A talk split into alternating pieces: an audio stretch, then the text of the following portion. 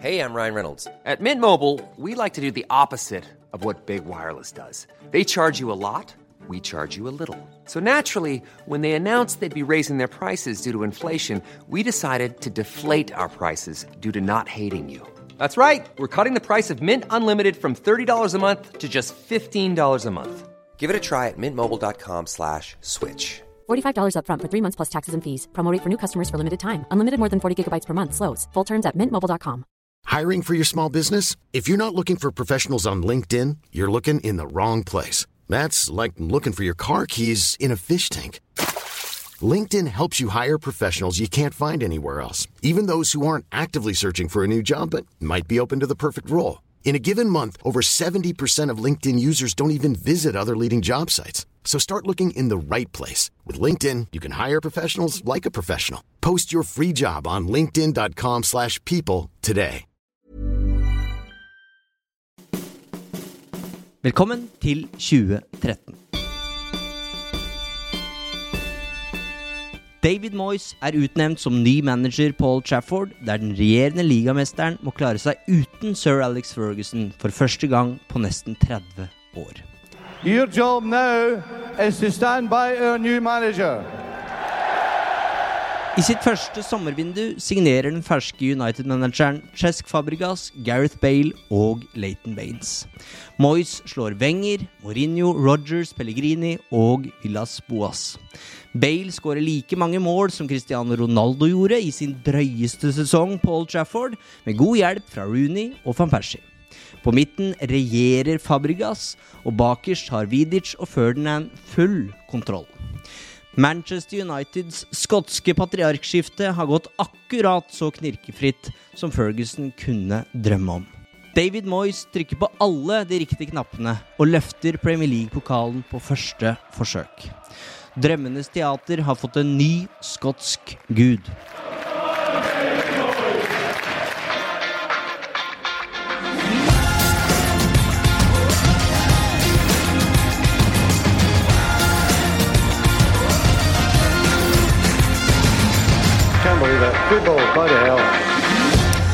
Finnes det et parallelt univers der vi sitter i Uno- Uno-studio og eh, diskuterer den ellevte sesongen til David Moyes som United-manager? Ja, kanskje gjør det. At man slår innlegg fra både høyre og venstre og har erobra verden med det. Eh, nei, artig tankerekke du tar oss eh, med på der, Eivind. Eh, Artig er ordet, for det var litt eh, latter i ja, introen her. Det skal what, sies. Ja, what could have been? Eh, nei. eh, men jeg må innrømme at jeg har tenkt tanken flere ganger på om, om du bare hadde stått i det. Eh, bare sånn, ok, du har fått de seks åra du kamerat. Bare, du skal stå i det, du. Eh, for historien har jo lært oss ettertid der at du er jo begrensa hvor mye bedre det har blitt. Mm. Hvis vi ser eh, hva man opplevde under van Gaal og Mourinho, riktignok vant de noen trofeer, men det, det hadde Det er enklere nå, mm. når man sitter litt med fasiten, og i større grad sympatisere med David Moyes, tenker jeg. Jeg syns hans ettermæle var, var styggere enn det er, på en eller annen måte. Selv om det ikke var så veldig pent likevel. Men det har, har jo nesten blitt en sånn Donald Duck-figur, eh, Fredrik. Det har det. Eh, og det er jo, som Jon Martin sier, det er jo ufortjent. Fordi der og da så blir det jo sånn fordi man går fra å være suveren ligavinner til å være et middelmådig lag som er helt ugjenkjennelige. Ehm, for å si det pent, egentlig. Um, og så har den oppgaven i ettertid vist seg å være klin umulig for samtlige som har prøvd nesten. Det er ingen som har evna å vinne ligaen. Det er ingen som har klart å ta på arven etter Ferguson sånn skikkelig. Mange har prøvd. Eh, Men den første til å feile er den som virkelig skulle få det, og det ble David Moyes, det. Ja, og vi eh, var jo innom det i den forrige spesialen vi lagde med Fergusons siste ligatittel, og da sa vi det gjentatte ganger hvilket mesterverk det var. Fordi det var et, eh, en stall som var aldrende, på hell, eh, ikke var åpen for forandring, eh, ikke minst. Eh, og det gjorde den oppgaven ufattelig vanskelig, altså. Gud Jeg- bedre så vanskelig det var for han, stakkar. Ja, utvilsomt. Og jeg tror også at mange Jeg var en av de som tenkte at Moyes kom til dekka bord, som utvilsomt var feil i ettertid. da. Det var jo en tropp som var på hell. Veldig mange som hadde sine beste år bak seg, ingen tvil om det. Men jeg tror det var mange med meg da, som tenkte at United vant ligaen med så og så mange poeng, de er i reelle ligamestere. Her kommer du nesten til dekka bord, og så kunne det vært fint å fått inn Fabregas osv. Men jeg tror noen, eller jeg tror mange sånn som deg, visste at dette var et lag som var på L, mens mange fortsatt trodde at dette var veldig, en mesterutgave av United, da, som gjorde at det blei veldig vanskelig å vite hva du skulle forvente også. Så jeg forventa at Moyes skulle være der oppe og kjempe fordi han tok over det laget han tok over, med tanke på hva som skjedde året før. Vi har lagd en spesial på 2012-13-sesongen. Nå tar vi eh, sesongen etter. Vi skal ikke lage en sånn kronologisk spesialvariant her. Det er litt tilfeldig at det blei akkurat 13-14 nå, og så skal vi lenger bak i historien uh, seinere, sikkert.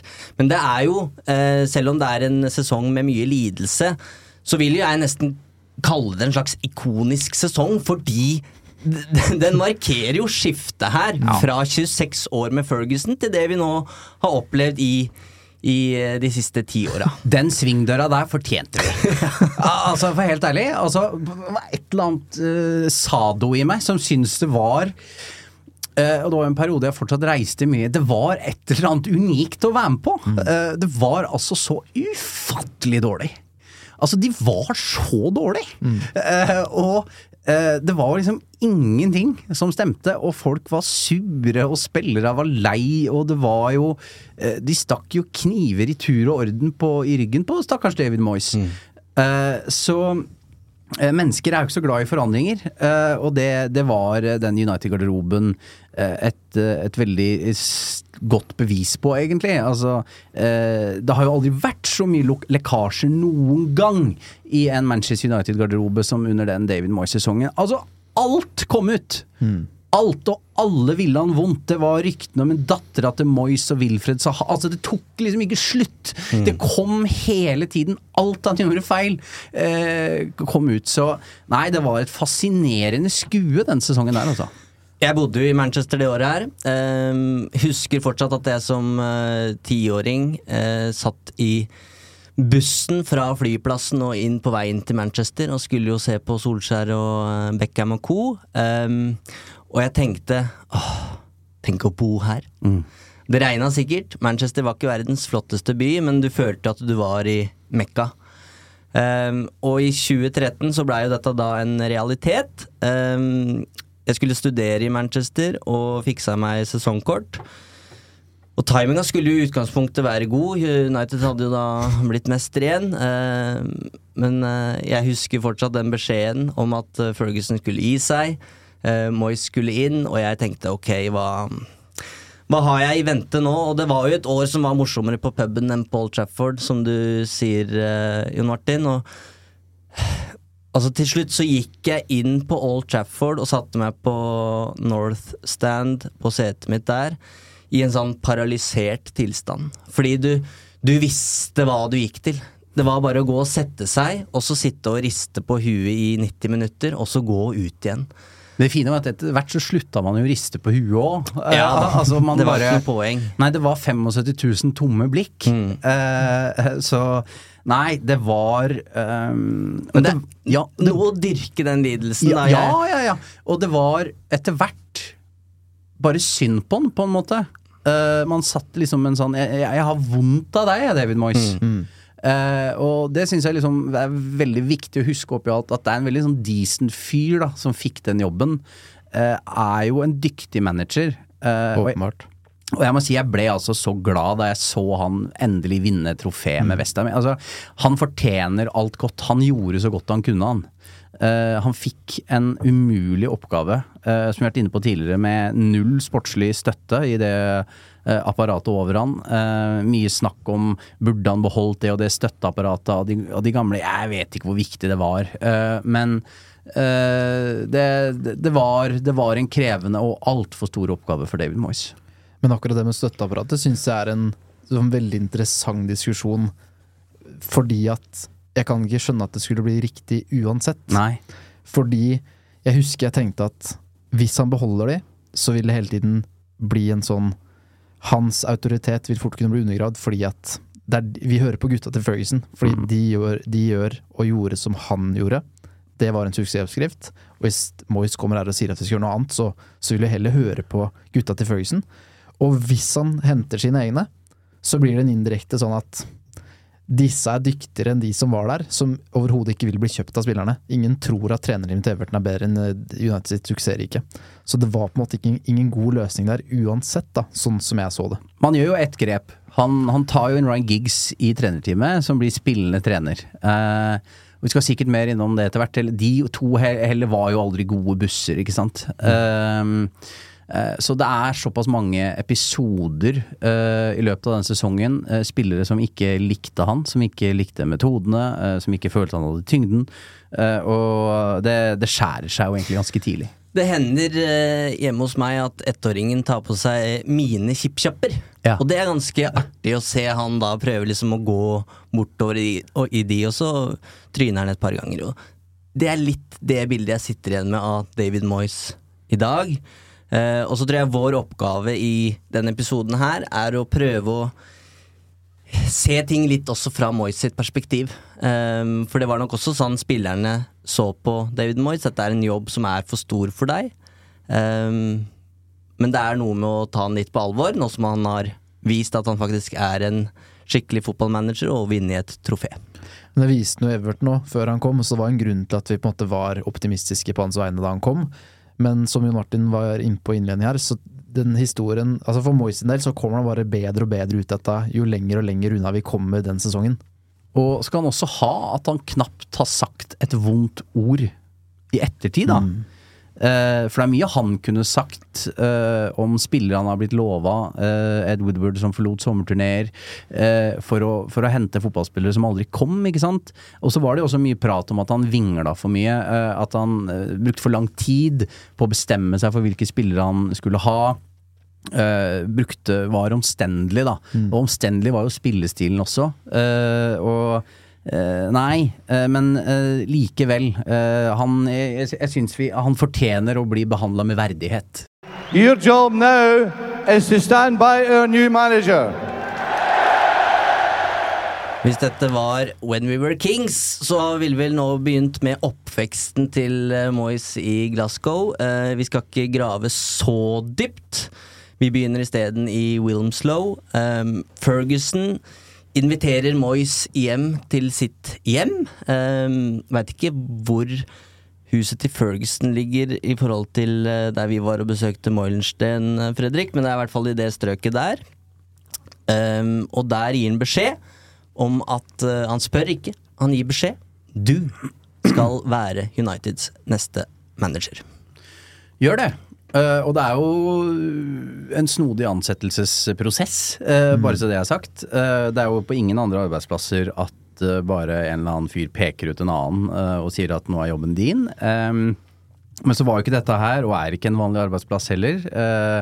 Det var nesten tre tiår med én enehersker på Old Trafford som hadde vunnet alt, opplevd alt, sett alt og gjort alt. Så han gjorde det på den måten. Eh, og når vi sitter med fasit i hånd, så er det ikke noe tvil om at det var feil. Uh, fotballromantikk uh, er jo hele avgjørelsen. Um, Alex Ferguson så nok mye av seg selv i David Moyes. litt med samme bakgrunn. skotsk, hardt hardtarbeidende.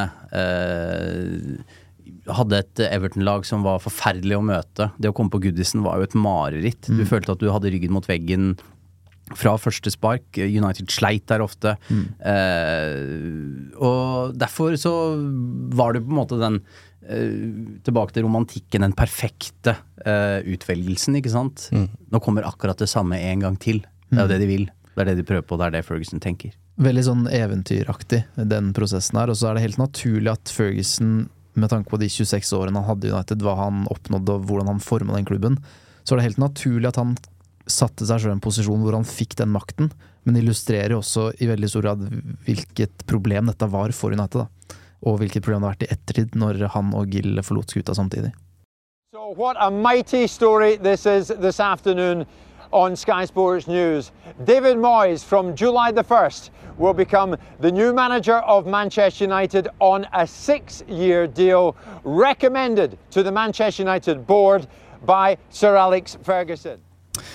Han får en seksårskontrakt uten å eh, stille til intervju. Vi veit hvor nøye United har vært i den prosessen nå eh, litt seinere. Det var Ferguson som insisterte på, på denne ansettelsen, og at han skulle få såpass mange år overfor styret. Tror du det var noen som våga å si nei?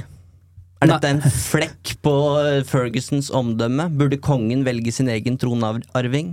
Nei, med fasit i hånd så burde han jo ikke det.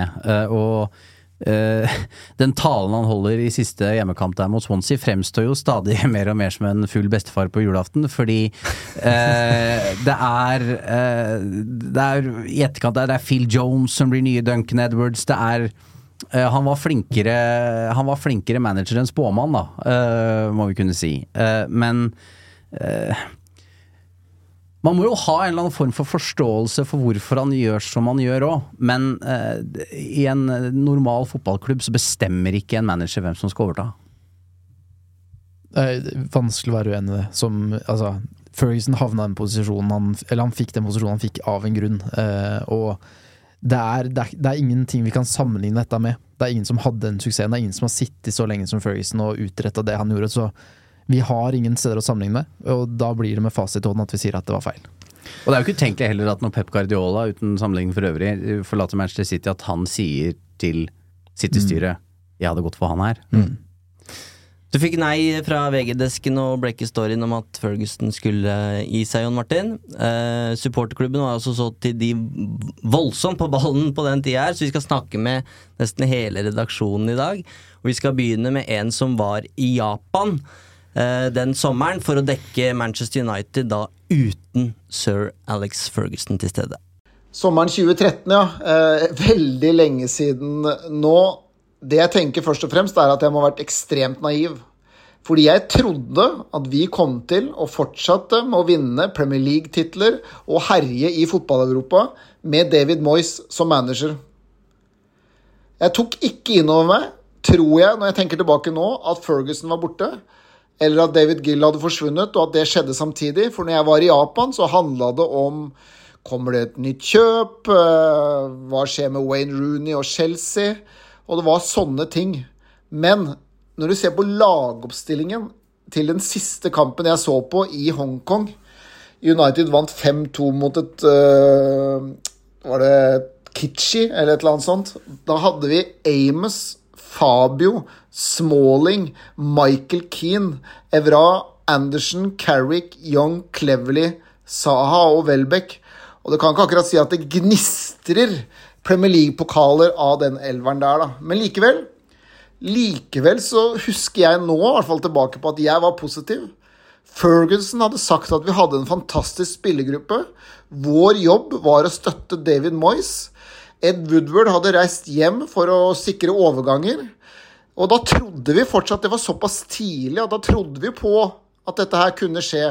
Og så var Chelsea interessert i Rooney, men det ble jo ikke noe av. Men akkurat der og da så lå verden for våre føtter. Og nå er jeg veldig, veldig, veldig glad for at jeg ikke da visste hvilke år vi sto foran.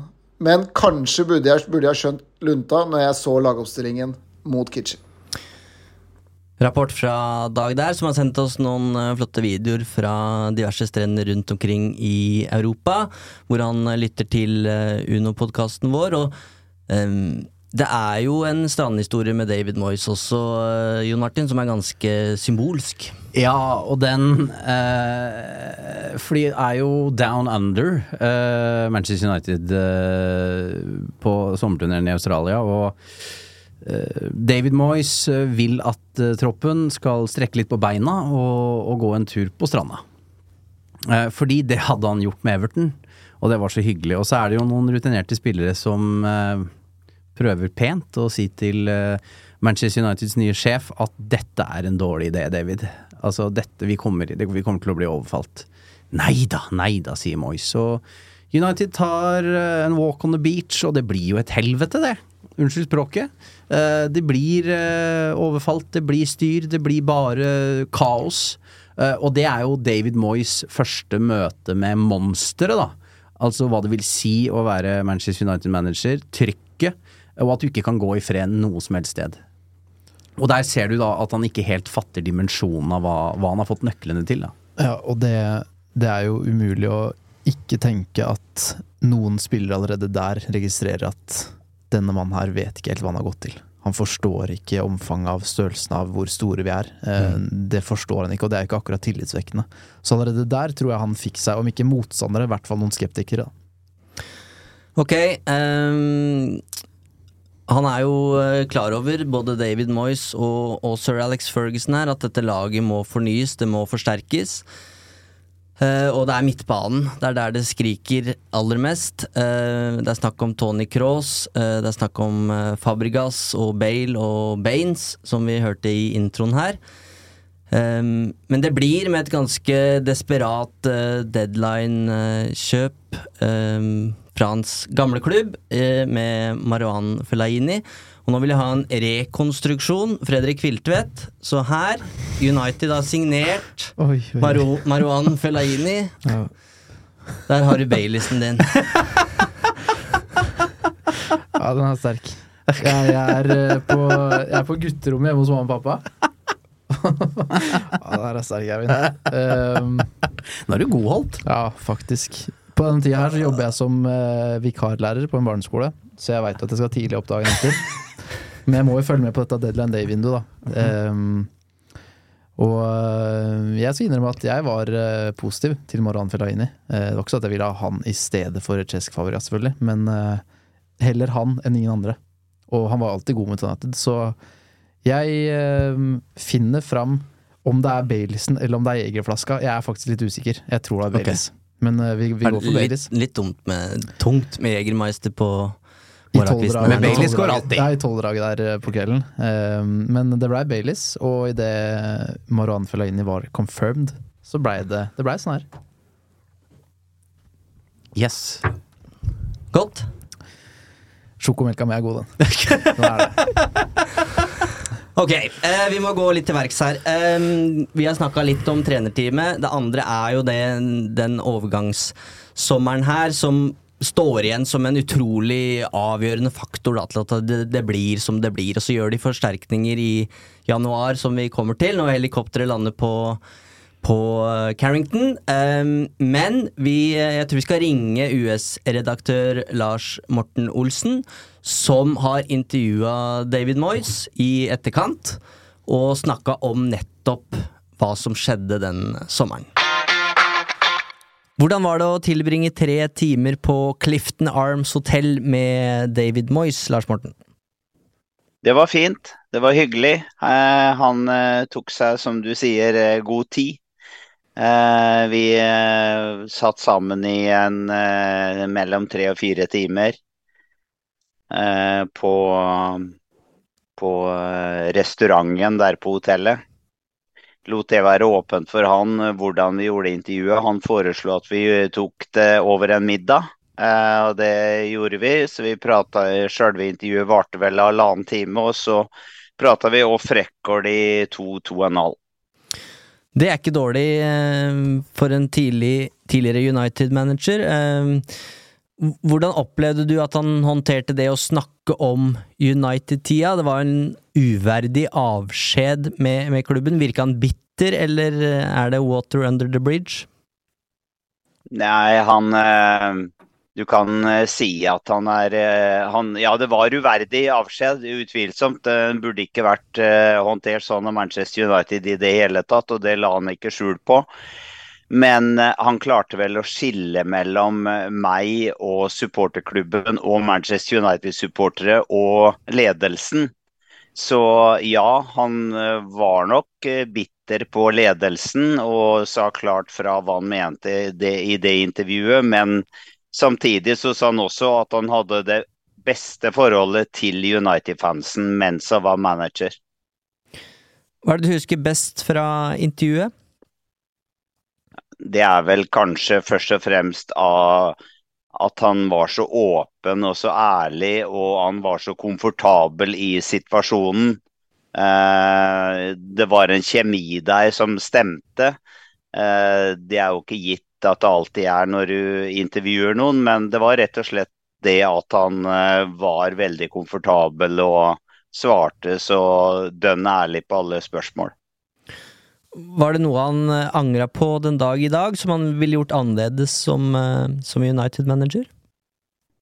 Ja, han eh, sa jo at han eh, i ettertid eh, angra på at han ikke beholdt eh, Mick Phelan i trenerteamet.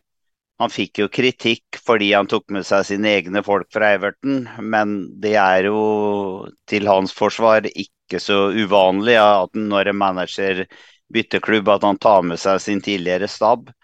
Og han hadde jo også med seg Eller han hadde jo også Phil Neville og, og Ryan Giggs. Så det var jo United-blod der.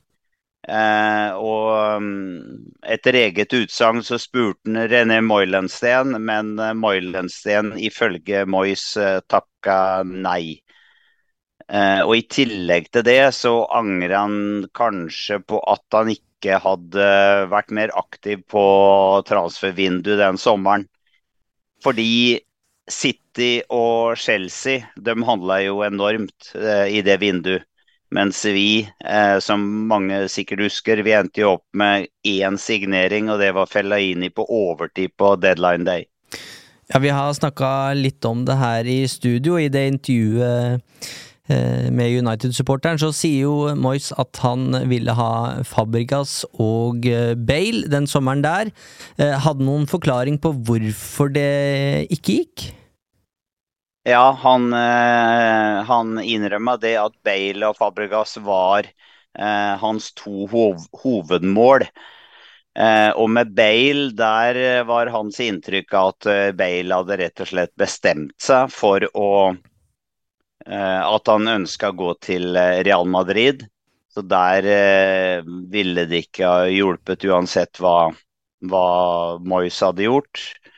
Og med Fabregas, Han hadde et par samtaler eh, direkte med Fabregas og eh, hadde forhåpninger at han skulle komme, men da Fabregas spilte i ligaåpninga for, for Barcelona, så eh, innså han at eh, heller ikke den overgangen eh, ville bli realisert. United-supporteren hadde jo en eh, stor reportasje som het Dokument Moi, som kom i etterkant av at skotten mista jobben. Vi skal høre litt eh, fra Bjarte etter hvert om, eh, om arbeidet bak den reportasjen, men der skrives det jo blant annet at um, det ville nok vært umulig for Manchester United å lande Fabregas den sommeren, fordi eh, nyansatte Gerardo Martino, Barcelona-treneren, han ville ha eh, Fabregas på, på laget, og da hjalp det ikke at eh, president Sandro Rosell ville selge. Så uansett hvor mye United hadde lagt på bordet, så ville det nok ikke utgjort noen forskjell for, eh, for David Moyes. Ja, det er mye mulig stemmer. Eh, Han gikk ikke Han sa ikke noe eh, noe direkte grunn til hvorfor ikke den overgangen gikk i orden, men det er eh, mye mulig at det, er som du sier, at det var fordi at den nye treneren da ville ha med seg Fabregas videre, og da hadde det ikke hjulpet uansett. Eh, han sa jo Han nevnte også Leighton Baines, forresten. Eh, Baines, eh, Bale og Fabregas var de to hovedmåla, men eh, Baines var også høyt på ønskelista, og han prøvde på han òg. Eh, og da var, han, eh, da var han imponert over Patrice Evra, for det ville jo blitt en direkte konkurrent til eh, Patrice Evra. Og Patrice Evra var helt med med en gang og sa ja, han må du signere. Her i Manchester United signerer vi alltid den beste, og det er bare bra med konkurranse. Moy sier også i intervjuet at David Gilles betydning er massivt uh, undervurdert. Uh, hva, hva legger du i det han sier der? Ja, det er jo flere som har sagt, og det stemmer nok. Eh, Solskjær har sagt noe av det samme til meg en gang. Og jeg tror nok Moyes legger i det at eh, eh, Ja, eh, Gill var jo en, eh, en dreven eh, mann på transferfronten. Han var en fotballmann som hadde vært i det her gamet lenge.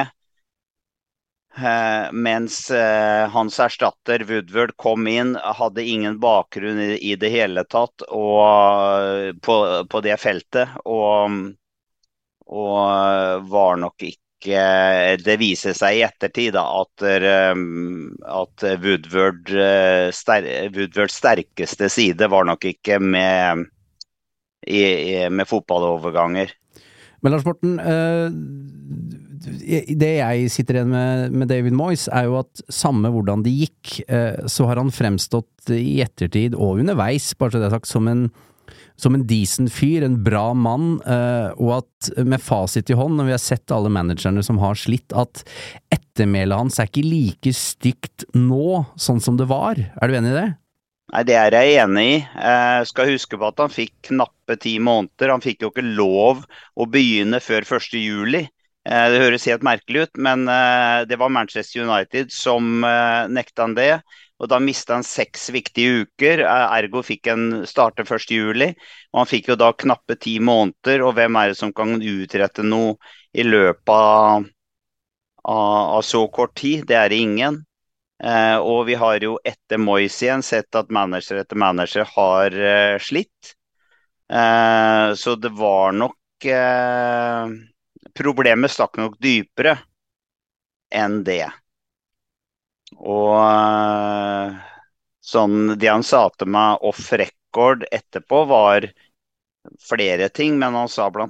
at han syns ikke sjøl at han hadde fått nok kred for å ha klart å beholde uh, Rooney. Uh, Rooney var veldig klar for å dra den sommeren ifølge Moyes og hadde samtale med Chelsea, men Moyes, som jo kjente Rooney godt fra tida i Everton, klarte å overtale Rooney til å bli. Eh, Rooney spilte, som vi vet, fire sesonger til. Bidro bl.a. Eh, til eh, FA Cup-finaleseieren i 2016. Og den rekorden som han nå er så kjent for, den ville jo aldri blitt eh, hvis han hadde dratt den sommeren. Og det var jo da takket være Moyes. Well, incredibly privileged that I was uh, that I was given the opportunity to manage Manchester United. And grateful to Sir Alex and grateful to the board for, for making that happen. Ok, sesongen skal sparkes i gang. Eh, vi fikk noen tilbakemeldinger på 12-13-spesialen på at vi kanskje gikk litt fort fram. Det gikk litt fort i svingene. Eh, den sesongen her så gir det på en måte ikke mening å stoppe ved hver helg og se hvordan det gikk, fordi United ligger utenfor topp fire hele veien her. Men vi skal stoppe på de matchene som, eh, som er avgjørende, og som er viktige for at det gikk som det gikk. Um, og vi kan jo begynne med egentlig bare dra gjennom laget. Som, og nå poengterer jeg, dette er de som spilte mest. Det er ikke nødvendigvis det beste laget Moyes stilte. Men de som spilte mest, uh, det var Digea, Rafael Jones, Vidic, Evra, Valencia, Carrick, Cleverly, Janutsai, Rooney og van Persie. Og det starter jo veldig bra. Det starter på Wembley med tittel. Vil i hvert fall Mourinho uh, mene at det er. Uh, vinner Community Shield med to van Persie-skåringer mot uh, Wigan. Og så er det til uh, Swansea, Jon Martin. Mm. Um, der Moyes egentlig får en helt eventyrlig start. Ja, og jeg var superklar jeg, for ny manager og ny sesong, så jeg satte meg på toget fra London og dro til Swansea jeg, og var klar for nye eventyr. Uh, og det var en regntung dag i Wales, og uh, god stemning og spenning på pub før match. Uh, alt er jo nytt. Det er jo første skoledag, på, på sett og vis. men det var jo Alt var jo bare som før. Mm. Manchester United dro på tur. ingen sak feide Swansea av banen, og det var jo egentlig bare happy days. Det er to van Persing to van Persie-skåringer i den matchen også. Også en ellevill chip, faktisk, fra Danny Welbeck. Eh, og så er det Wayne Rooney som er litt eh, Som er en viktig fyr her, selvfølgelig, som Lars Morten er inne på. Han har hatt eh, Det har i hvert fall vært disse ryktene med Chelsea. Eh, Moyes forteller at han møter eh, Rooney to, to, ganger på sommeren før han på en måte går inn i jobben. Men det er først i den matchen her mot Swansea at Moyes skjønner at Rooney må bli, for han får en helt enorm eh, mottagelse av United-fansen. Han gjør det, eh, fordi eh, det er jo ikke noe tvil om at eh, Wayne Rooney føler litt på at det er Robin van Persie som er the main man i, i dette Manchester United-laget for øyeblikket. Det er ikke Wayne Rooney lenger. Som har egentlig båret hele laget etter at Cristiano Ronaldo dro til Real Madrid. Det har vært Wayne Rooneys lag, eh, og så kommer det inn en annen eh, og, og bare stjeler sjappa, rett og slett. Eh, og Wayne Rooney starter denne kampen på benken, uh, kommer inn, og jeg må innrømme at jeg òg var spent på hva slags mottakelse uh, Wayne Rooney skulle få, for dette her var jo andre gang han uh, flørta med noen andre. Og det er jo også til å forstå, da. sånn i ettertid så er det enklere å forstå Wayne Rooney nå. For han så jo hva som var i ferd med å skje. Han, han skjønte at dette her var en, eh, en dårlig tropp. Han skjønte at dette her var et lag som ikke kom til å kjempe om de største trofeene, verken hjemlig eller i Europa. Eh, Men likevel da, så, så kommer han på banen eh, i, i Swansea på Liberty Stadium og får en varm mottakelse av United-fansen. Og det tror jeg også overraska Rooney. Én ting er at det overraska Moyes, men jeg tror også det, det, de gjorde et eller annet med Wayne Rooney. Og at han fant motivasjon og, og lyst da, til å bli værende. Det blir veldig tydelig illustrert at ikke alt er som det skal. Eh, Men jeg tror det er på siste scoringen der, hvor laget feirer som helhet. Mm. Mens Rooney står alene i bakgrunnen, og dette blir jo plukka opp, og det blir jo skriverier eh, om det. Eh, Men tilbake til det du sa om at eh, Rooney ikke lenger var stjerne alene. Så blei jo det Det ble barnslig der og da, fordi årsaken til at han ønska å gå til City på et tidlig tidspunkt, var jo nettopp det at han var enslig stjerne. Han ville ha flere som var som seg. Og når han omsider fikset det som han ville, og han ble forbigått, så var ikke det riktig, det heller. Så han kom jo ikke så godt ut av det, men jeg er helt enig at han i ettertid kommer bedre ut av det, han også. Dette var jo, jeg husker det godt, at det var snakk om det her på våren også, før, eh, før Ferguson hadde annonsert at han skulle gi seg. Hva skjer med Wayne Rooney? Og det dilemmaet overlater bare Ferguson til, til David Moyes, og det er den første oppgaven han er nødt til å løse. Um, og i februar så signerer da Rooney ny langtidskontrakt. Um, ny rekordkontrakt verdt 300 000 pund i uka. Ja, og det var jo også starten på slutten litt for Wayne Rooney, Mm. kan man jo på sett og vis si. Uh, og uh, i retrospekt så hadde det jo vært en bedre deal å solgt han til Chelsea, som hadde fått fallet. Eh, for eh, hvis vi sammenligner han med Harry Kane, da, så er det to forskjellige kropper og, som er i sving her. Uh, Wayne Rooney uh, vært et monster siden han var 16 og, og skåra det målet for Everton mot Arsenal. Uh, en livsstil som egentlig ikke er veldig forenlig med det å være toppidrettsutøver. Um, så på en måte uten alt det uh, spjåket og kaoset, så er han jo på en måte sin generasjons gassa, på sett og vis med, med måten han har levd på, alle historiene med bestemødre og gud vet hva. Uh, så det var jo en kropp på hell, Uh, men likevel så er det vanskelig å se for seg hvordan det skulle gått med Manchester United i den perioden uten Wayne Rooney. Så det, det er jo vanskelig å se på det som en annen måte enn at David Moyes måtte få han til å bli. Han blir toppskårer med 19 mål eh, totalt. Ett mer enn van Persie, som eh, mister en del kamper. Det kommer vi tilbake til. Eh, allerede i andre runde her så skal jo de to managerkandidatene i bokseringen, Jon Martin, for det sto jo mellom David Moyes og José Mourinho. Eh, og i andre runde så kommer Mourinho med sitt Chelsea til Old Trafford. Han gjør det, eh, og det er jo ikke noe tvil om at eh, i min bok da, at eh, det var han som sto i, eh, på bortebenken som burde vært Manchester United-manager der. Eh, Han hadde klart å takle en aldrende tropp så ufattelig mye bedre og skvist ut siste jus eh, av, av den gjengen der. Sånn ble det ikke.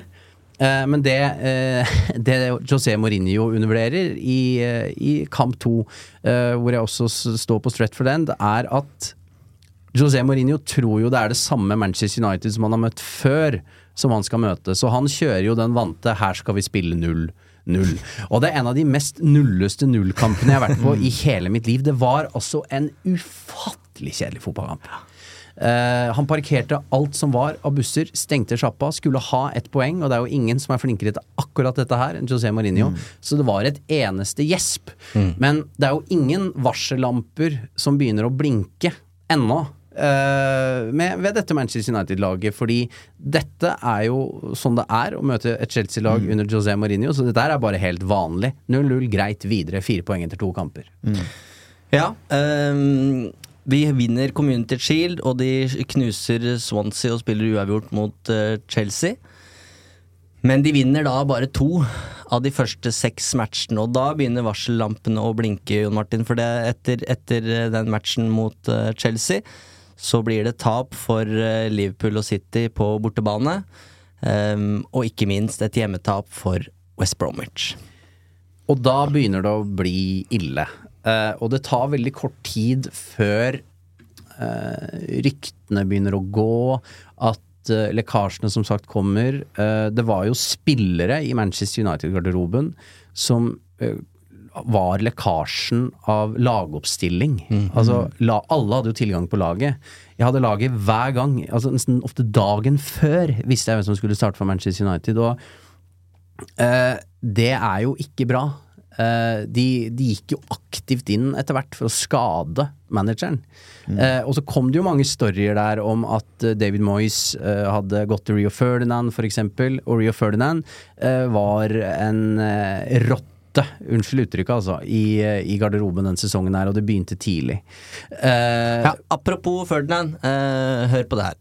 I hope I'm not speaking out of line here to David Moyes, but our mindset, we never worried about the opposition. We weren't, we never set ourselves up and said, "Oh, we need to make sure we contain this and contain that." We're going to try and win this game based on what we're good at. I remember the first couple of games against Liverpool and Chelsea, and we were talking more about Hazard and Coutinho than we were about our own attacking tactics. doubt. So there's doubt, and there's players then look at each other. This ain't us. This, We're not used to this, and you can see even the younger players looking around, going, "Whoa, we're not. We're better than them. We can. We won the league last year. We, we, we should. We, we believe we can beat these. Put us on the front foot and let us go out and attack these I players. think it's- Not do- and that mindset came from being an Everton manager. A lot of the time, I'm, I think David Moyes played in the big game sometimes.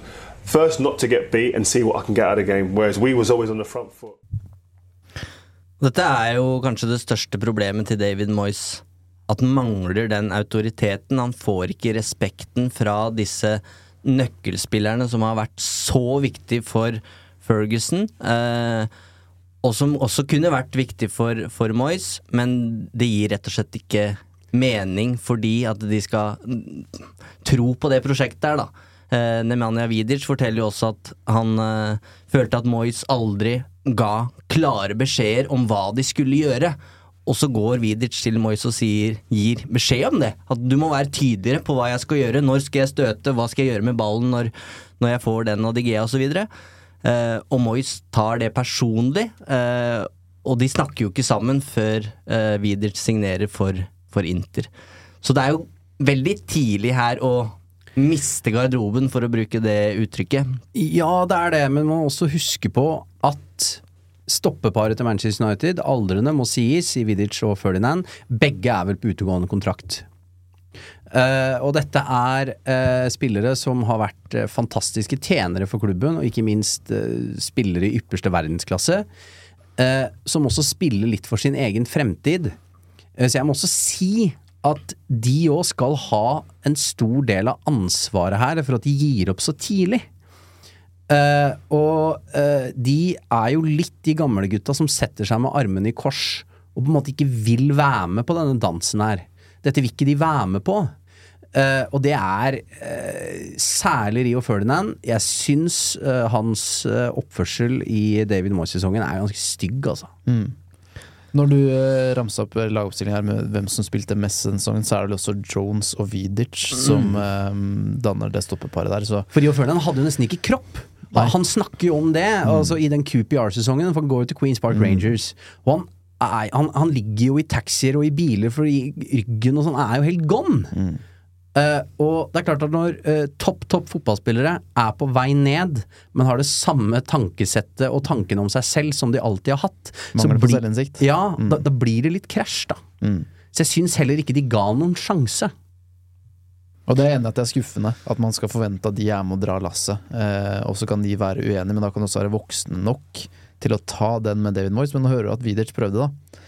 Men det, det liksom forbauser meg litt også at i det Phil Neville og Ryan Giggs som har vært i den garderoben som spillere, og Giggs fortsatt er det vel, eh, at ikke de også plukker opp den at liksom Måten vi nå prater i garderoben på, det er et faresignal. Mm. For vi er, vi er fortsatt United. Vi er regjerende ligamestere, så det, vi skal ikke ta hensyn. At United gjør det den dag i dag, at de prater litt om De Bruyne og Haaland og hvordan de skal løse det, det er mer naturlig enn det var akkurat da. da. Men jeg bare stusser over mekanismene og altså, hvem, hvem var det som ikke tok ansvar, som burde gjort det? Eller hvem var det som tok ansvar, men ikke fikk lov til å ta den plassen av David Moyes? Jeg er veldig spent på hvordan det der utfolda seg. Men han får en opptur i eh, ligacupen, en rask revansje der. Eh, Javier, Hernandez matchvinner når de slår Liverpool 1-0 på Old Trafford. Den tror jeg var ganske viktig. Jeg husker at eh, da var det god stemning på Old Trafford, selv om det var eh, kaos. Og United-fansen er jo gode, syns jeg, i eh, dårlige perioder. Gode til å dyrke lidelsen og, og løfte laget når de trenger det. Absolutt, eh, og jeg husker også den godt, og, og eh, David Moyes, en letta mann med noe knyttede never etterpå, og, og han trengte virkelig den, da. Men hvor lenge var Adam i paradis? Ja, jeg hadde en kompis som ikke var helt i paradis også, for da er jo selvfølgelig mye politi rundt Paul Trafford når det er høyrisikokamp mellom United og Liverpool. eh, Og så er matchen ferdig, og vi er fornøyde, selvfølgelig. Og på et eller annet vis så klarer han på en måte å rygge inn i den der korridoren av politihester. Hvor da Liverpool-fansen skal eh, evakueres ut. Så han går på en måte inn i blinde. Og så er det eh, Det fanges på en måte ikke opp før det er for seint. Så plutselig så står han i den korridoren med Liverpool-fans, og de får for så vidt ikke med seg at her er en fyr i United-drakt, men det gjør jo ikke bare én, ikke bare to, men tre politibetjenter til slutt. Og de kaster seg over og legger den i bakken, og jeg prøver med min spede norsk-engelsk å forklare at uh, han er ikke ute etter bråk, liksom. Men det går selvfølgelig for døve ører. Uh, ganske røff behandling av en uh, norsk eh, tenåring der, eller 20-åring var det vel kanskje. Mm. det var et tøft møte med engelsk politi. Men han, måtte ikke inn? Nei, Nei, det, det var en, en alvorsprat ja. utafor stadion der, og så fikk vi tusle lettere sjokkskada tilbake til sentrum. En erfaring rikere? Ja. ja. What a volley! Ny opptur. Eh, Moyes er pressa og får hjelp fra uventa hold, må vi nesten kunne si. United snur mot Sunderland på Stadium of Light, og det er eh, tenåringshåpet Adnan Janutsai som skårer begge måla. Og han var jo en slags åpenbaring da han kom, ikke? Altså, da han plutselig bare kom fra intet og hadde tempo, eh, teknikk, blåste alle litt av banen, eh, ga eh, David Moyes litt pusterom på sett og vis, eh, og litt det der om at han skulle dyrke eh, kulturen, eh, satse på unge spillere, eh, og var den vitamininnsprøytningen Manchester United trengte der og da, da. Og det du sier om gamlegutta som kanskje ikke var villig til å møte Moyes på halvveien, det her var jo på en måte Moyes sin fortjeneste. Dette var Moyes sin gullgutt. Ferguson hadde jo nevnt den på våren der, og sa liksom bare på en pressekonferanse litt ut av det blå sånn Se opp for den belgiske unggutten, liksom. Og så en kunstpause lot den henge i lufta der. Um, og jeg dekka jo uh, reservelaget uh, på den tida her. Uh, og da Han herja jo eh, voldsomt der, selvfølgelig. Um, og jeg husker eh, Han blei jo på en måte kalt den nye Gigs. Dette var posterboy-materiale. Og så hadde man ikke tro på at han skulle slå ut i full blomst på den måten der, men det var jo enormt stor tro på han internt. Uh, og etter at han har slått gjennom her, så står jeg og venter utafor garderoben, uh, og så kommer Adnan Janutsai gående med capsen bak fram og skal inn og hilse på kompisene som da har spilt match. Eh, og da tenker jeg jo selvfølgelig at her har jeg sjansen til å få et aldri så lite skup på vegne av United-supporteren. Uh, men det ble nei. Det blir som regel det. Var det et høflig avslag? Ja, Uh, eh, på den tida her så er han fortsatt eh, ganske ydmyk. Eh, I hvert fall overfor ukjente. Men det tar oss jo litt på den eh, til det som blir hans eh, bane. Fordi det er, det er utfordringer knytta til Adnan Januzaj. Jeg syns vi kan stoppe opp litt. Ehm, fordi det er eh, en ny sånn der what could have been-historie, det her. Og han har jo fått et rykte som en, som en arrogant fyr som på ingen måte fikk eh, maksimert sitt potensial. Verken på Old Trafford eller andre steder. Ja, for det gikk jo ganske fort fra gjennombruddet til han var helt ute av det ute i kulden. Um, og så har vi uh, Litt vanskelig å gjenfortelle en historie man ikke husker alle detaljene, men, men uh, hovedoverskriften her, Eivind, er jo at vi, vi har blitt fortalt fra folk som uh, jobba med Janusai, om at spillere i United også um, oppsøkte han og ga han beskjed om å skjerpe seg. For han forsto ikke hvor mye arbeid som krevdes og hvilke holdninger og sånn som måtte ligge til grunn for å lykkes United. Og det var vel dette med at han da hadde vært god, da. Og da begynte han å slappe av og tenkte at nå har jeg klart det. Eh, Og takler de tilbakemeldingene dårlig, da. Nettopp. Eh, og han tok det tungt. Han skal ha blitt lei seg av å få den beskjeden fra en av medspillerne sine, eh, og oppsøkt en i United sitt støtteapparat for å prate om den hendelsen der. Eh, hvor jeg heller ikke tror han fikk noe særlig sympati eller medynk for det, men rett og slett beskjed om at sånn, sånn er det. Uh, og med tanke på hvordan karrieren ble, hatt en fin karriere, han, men en, det er jo what curve been, det er jo det. Eh, så er det vanskelig å tenke at den aldri skjønte helt alvoret. At det var jeg gjør det på min måte, og det funker. Og så var det beviselig at det, det holdt ikke i en klubb som United. Og jeg husker i de U21-matchene at det var Det var mye corner som bare gikk bak mål. Og så viser det seg at her har Janutsai og Andreas Pereira en intern konkurranse. Hvem klarer å score på corner i match? Riktig. Og jeg snakka med Warren Joyce et par ganger, og det er en tøff negl, altså. Eh, og han satt Han var, ekst, han var ekstremt tøff med Adnan Janutsai, eh, og bru, satte den blant annet på topp for at den bare Ok, jeg skal sette den ut av spill for å se hvordan han håndterer det. Eh, likevel så tar han med seg disse nykkene, vil jeg kalle det, opp på førstelaget. Eh, og det sies at eh, Alexander Bytner var hans partner in crime. Um, og i, en, i den preseason her så, så er de um, på et hotell, og det er et tavle der hvor eh, logistikken står eh, skrevet opp, og de i hvert fall er hovedmistenkte her.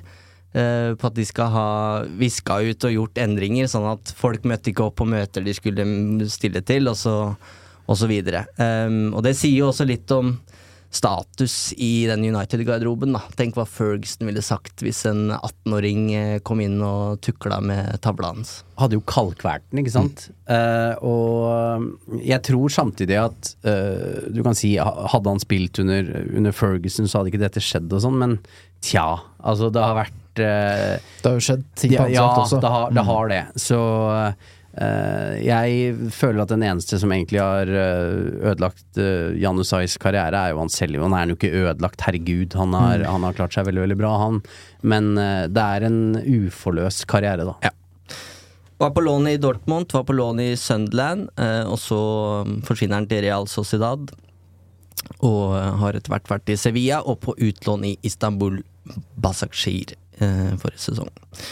Så det blir jo ikke den sesongen man eh, han, Den karrieren man hadde håpa på, men eh, det er litt sånn summen av flere faktorer her, tenker jeg. En tenåring som fikk for mye for tidlig, og så trengte nok noe annet enn Moyes og eh, rigide van Gaal.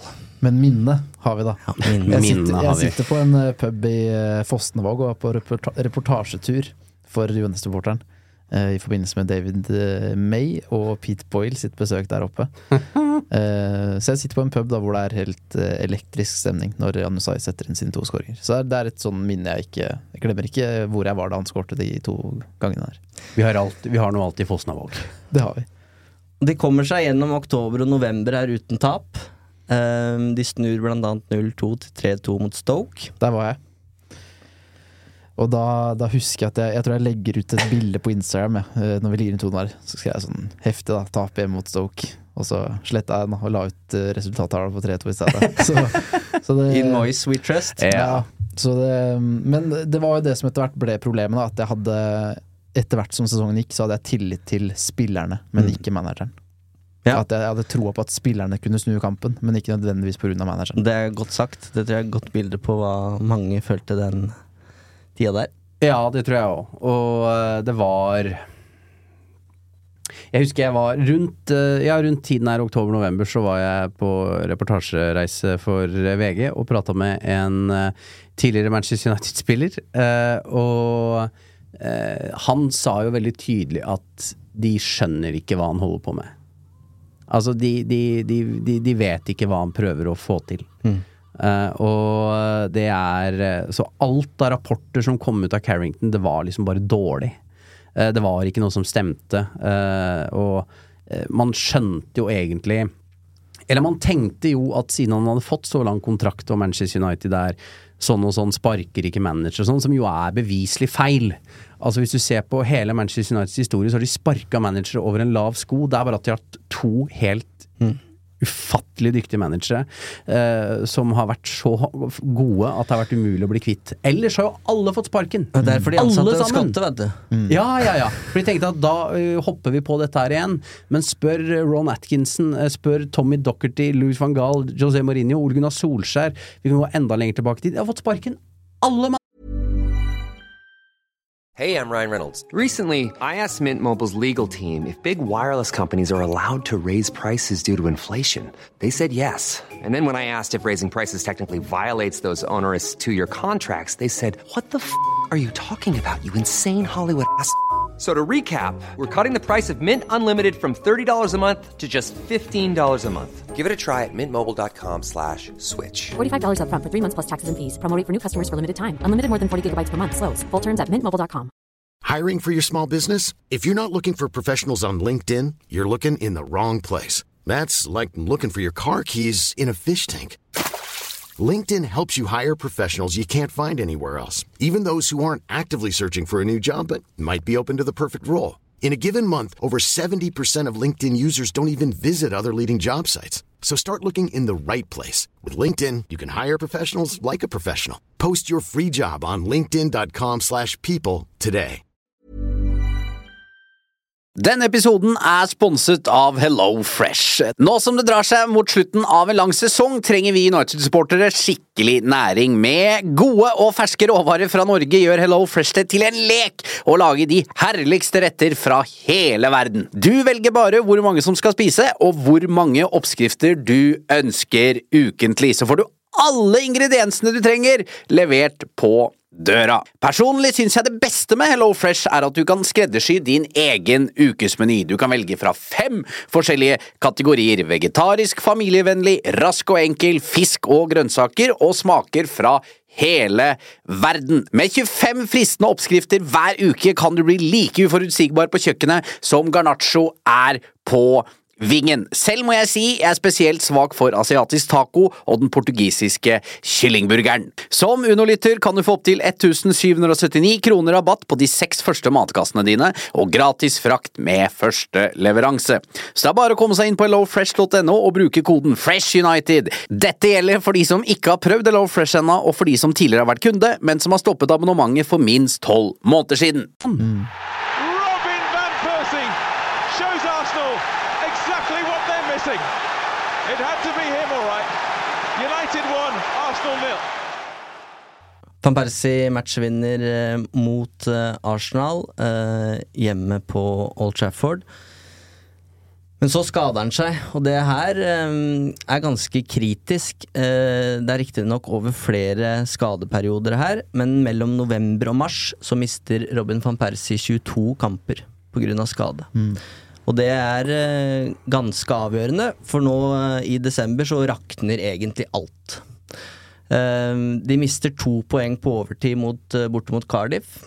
Og den kampen husker jeg veldig godt. Det er kanskje den jeg husker best. Så den riktignok på TV, i motsetning til alle hjemmematchene. Men jeg bare husker det er en De, de, ta, altså de taper jo to poeng på overtid der. Og jeg husker så godt at det var da tvilen eh, meldte seg for alvor. Jeg hadde nok hatt veldig stor tru på Moyes, eh, sammenligna med veldig mange andre, fram til det her. Men da det var på en måte Om ikke dråpen, så var det sånn Nå, nå er det usikkert her.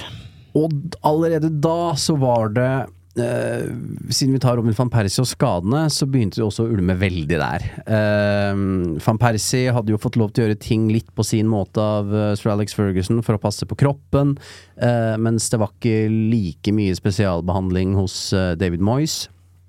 Eh, og det gikk jo masse rykter om at det var forferdelig dårlig stemning eh, mellom eh, van Persie og, og Moyes. Det dukker vel også eh, opp etter hvert et intervju eh, der eh, Robin van Persie går ut og sier at alt er bare velstand her, men det er jo direkte løgn. Eh, de hadde et eh, dårlig forhold, eh, og fikk det ikke til å stemme overhodet. Eh, det er også en pressekonferanse etter hvert, eh, der eh, Ryan Giggs eh, er med. Eh, men de hadde også et dårlig forhold. De fikk det heller ikke til å stemme. Og da kan man begynne å tenke over disse skikkelsene da, i denne garderoben som ikke er på manage managerens eh, side. Du har Ryan Giggs, mestspillende i, i klubbens historie, som også er i trenerteamet. Det funker ikke. Robin van Persie, mannen som skjøt United i ligagull sesongen i, i forveien, har et dårlig forhold til manageren. Midtstopperne, Nemanja Vidic, Rio Ferdinand, dårlig forhold til manageren. Og da er det så mange Det er jo hele ryggraden. Det er alle de som har opplevd alt, vunnet alt, skal være kulturbærere, hjelpe manageren i denne sesongen. De er ikke med han. Og da er det dømt til å gå av skogen. For de som allerede er der, sammen med Rio, Vidic, Giggs og gjengen, og har vært der før Moyes kommer inn, de har allerede tatt et parti, da, hvis de Mm. må velge. For han ukjente som ikke de har noen relasjon til. Om de må velge, så er det naturlig hvor lojaliteten på en måte ligger. De blir jo med som gutta på bakerste rad som bråker, på en måte. 2-2 mot Cardiff, eh, følges opp med 2-2 mot eh, Tottenham, for, som for så vidt er greit på bortebane. Så har jeg en kompis eh, på besøk som skal på sine to første United-matcher eh, for en dobbel der Paul Trafford. Eh, det ender da 0-1 mot Everton og 0-1 mot Newcastle. Så 180 minutter uten scoring på Old Trafford. Og da begynte det å bli skikkelig nedrig, rett og slett. Altså, da var det eh, Da var jo krisen eh, ordentlig der, og du husker at David Moyes ble liksom blekere og blekere og blekere for hver uke som gikk, ikke sant? Og det er jo her den eh, mye omtalte tweeten eh, kommer. David Moyes says, says United must improve in the number of areas, eh, including passing, creating chances and defending. Rett og slett alt. Alt må bedres. Så han har jo ikke feil, bare så det er sagt. Nei, det, var, det var en mann som på en måte bare blei en mindre og mindre og mindre utgave av seg selv. Han ble jo bare spist opp på veien her hele veien. Og han prøvde og gjorde så godt han kunne, men han ble på en måte synlig blekere Mm. for hver kamp og måned som gikk, og det virka mindre og mindre troverdig, hele opplegget. Vanskeligere og vanskeligere å stole på. Eh, og til slutt så var det ingenting som kunne redde den, på en måte. Jeg, jeg tror Moyes kunne lyktes jeg som United-manager, men han var dømt til å feile fordi han ikke trodde på seg selv. Uh, jeg tror den derre oppdraget som The Chosen One, det, det kommer bardust på. Han har sagt det sjøl at det kom seint i sesongen, og så kan man si ja, men sånn, fungerer jo fotballen. Men det er et enormt oppdrag han får i fanget her. Og han får ikke lov til å komme inn på Carrington før 1. juli og begynne å jobbe, sånn som Ten Hag har eh, gjort begge somrene her. Så han føler nok at han kommer skeivt ut. Og du ser det jo på en måte på de første bildene òg, i hvert fall hvis man skal tolke de, når han sitter der med den der musematta. Så du ser frykten i øya på han. Eh, Evra skriver i sin bok at noe av det første han sier i garderoben, er at dere er en gjeng som har vunnet alt. Dere må lære meg. Eh, så selv om jeg, jeg er med på det at disse her rutinerte eh, klippene her i garderoben, i Ferdinand, Vidic, Evra, eh, Rooney Det er på en måte deres eh, oppgave å skape den tilliten til Moyes som han trenger. Men jeg har også veldig forståelse for at det ikke gikk. Han er veldig opptatt av læring, David Ja, Moyes. ja men du kan ikke komme til Old Trafford for å lære. Nei, men alt, alt det er rett, Eivind. Jeg er enig i det. Uh, men det jeg uh, sliter med, er at uh, det er en spillertropp som har nå, Når vi sitter med og, og veit hva som har skjedd i ettertid de har stikket kniven i ryggen på ganske mange managere, altså. Mm. Eh, det er mange Manchester United-spillere de siste åra som har gitt opp tidlig. Og kasta manageren på båten. Spør van Gaal. Eh, som får fyken på vei ut av Wembley. Altså, jeg står på Wembley og får push-varsel om at José Mourinho er ny United-manager før han har løfta trofeet. Uh, så det har vært tidvis ekstremt giftig uh, i den garderoben. Nå skal vi ikke snakke om Ole Gunnar Solskjær nå, men det er den viktigste jobben han på sett og vis gjorde som United-manager. Var å bli kvitt alle disse råtne egga som var inni denne garderoben. For den var fæl, altså, til tider. Bare at persongalleriet har blitt bytta litt ut underveis. Men um, det er eh, jeg syns det er en del United-spillere som uh, ikke bør se seg selv i speilet med den beste samvittigheten hva angår oppførsel overfor manager, Da.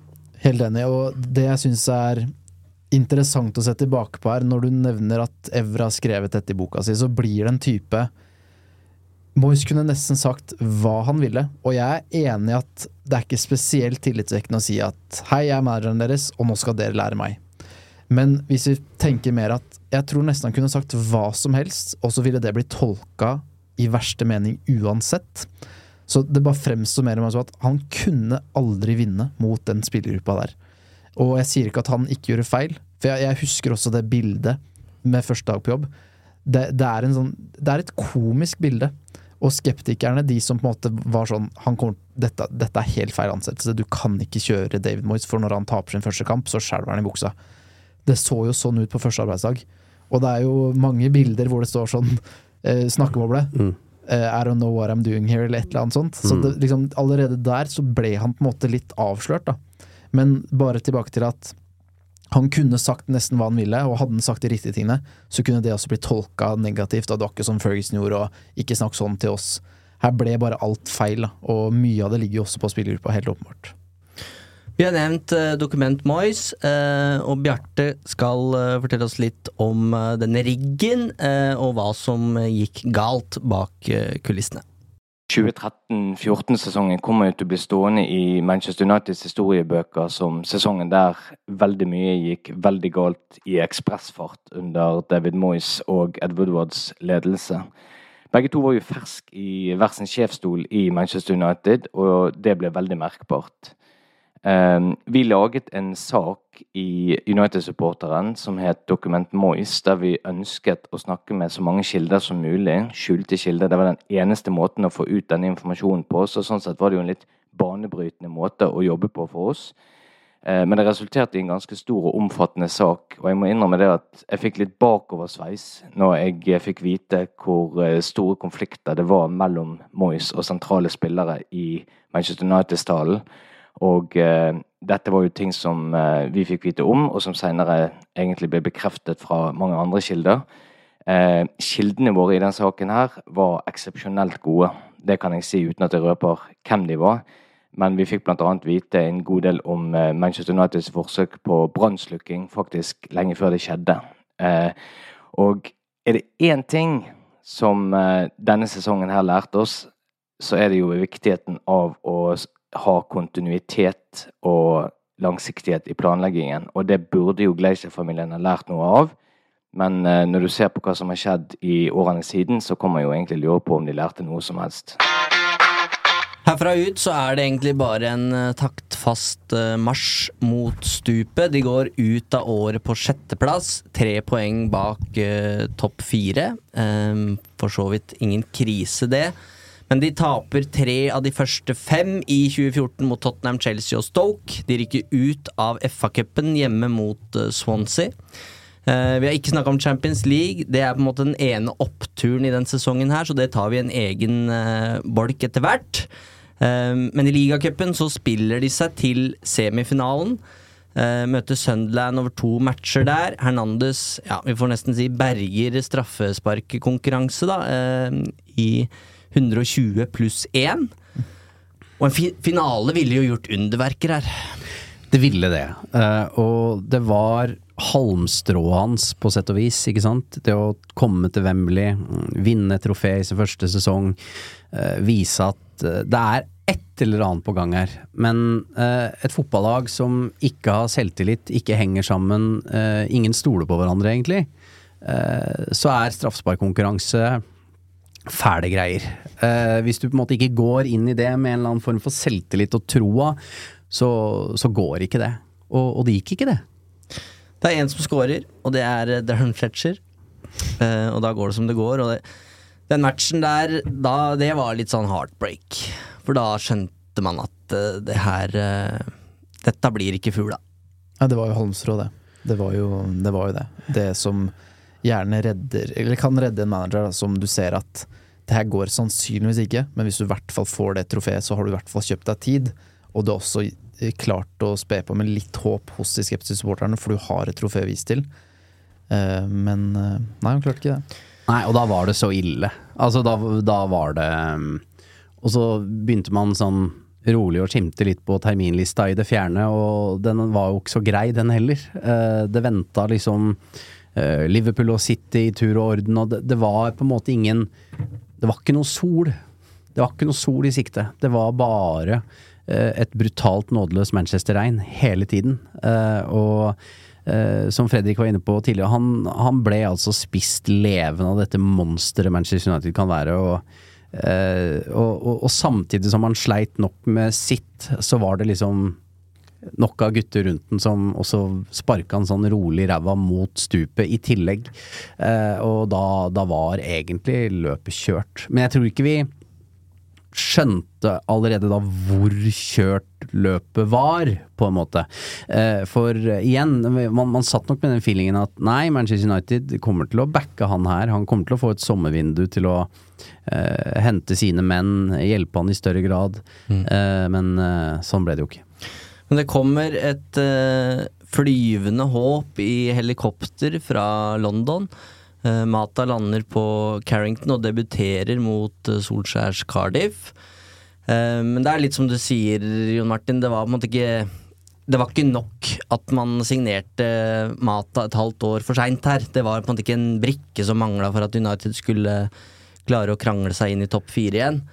Det var på en måte gone. Ja, og Juan Mata, eh, som jo har vist seg som en fantastisk fyr, en, en bra spiller for Manchester United, for all del, men han var liksom ikke det laget skrek etter heller, på sett og vis. Det var jo den der sentrale midtbanen som virkelig var uh, ute å kjøre og, og, og, trengte både dyktige folk og ikke minst barbein. Mm. Eh, og, Og det kommer veldig til syne også, fordi når Mata blir bytta inn, så tror jeg han blir bytta inn som kant. Ja. For United spilte jo ikke med tieren, det var i så fall Rooney som la seg litt bak van Persie.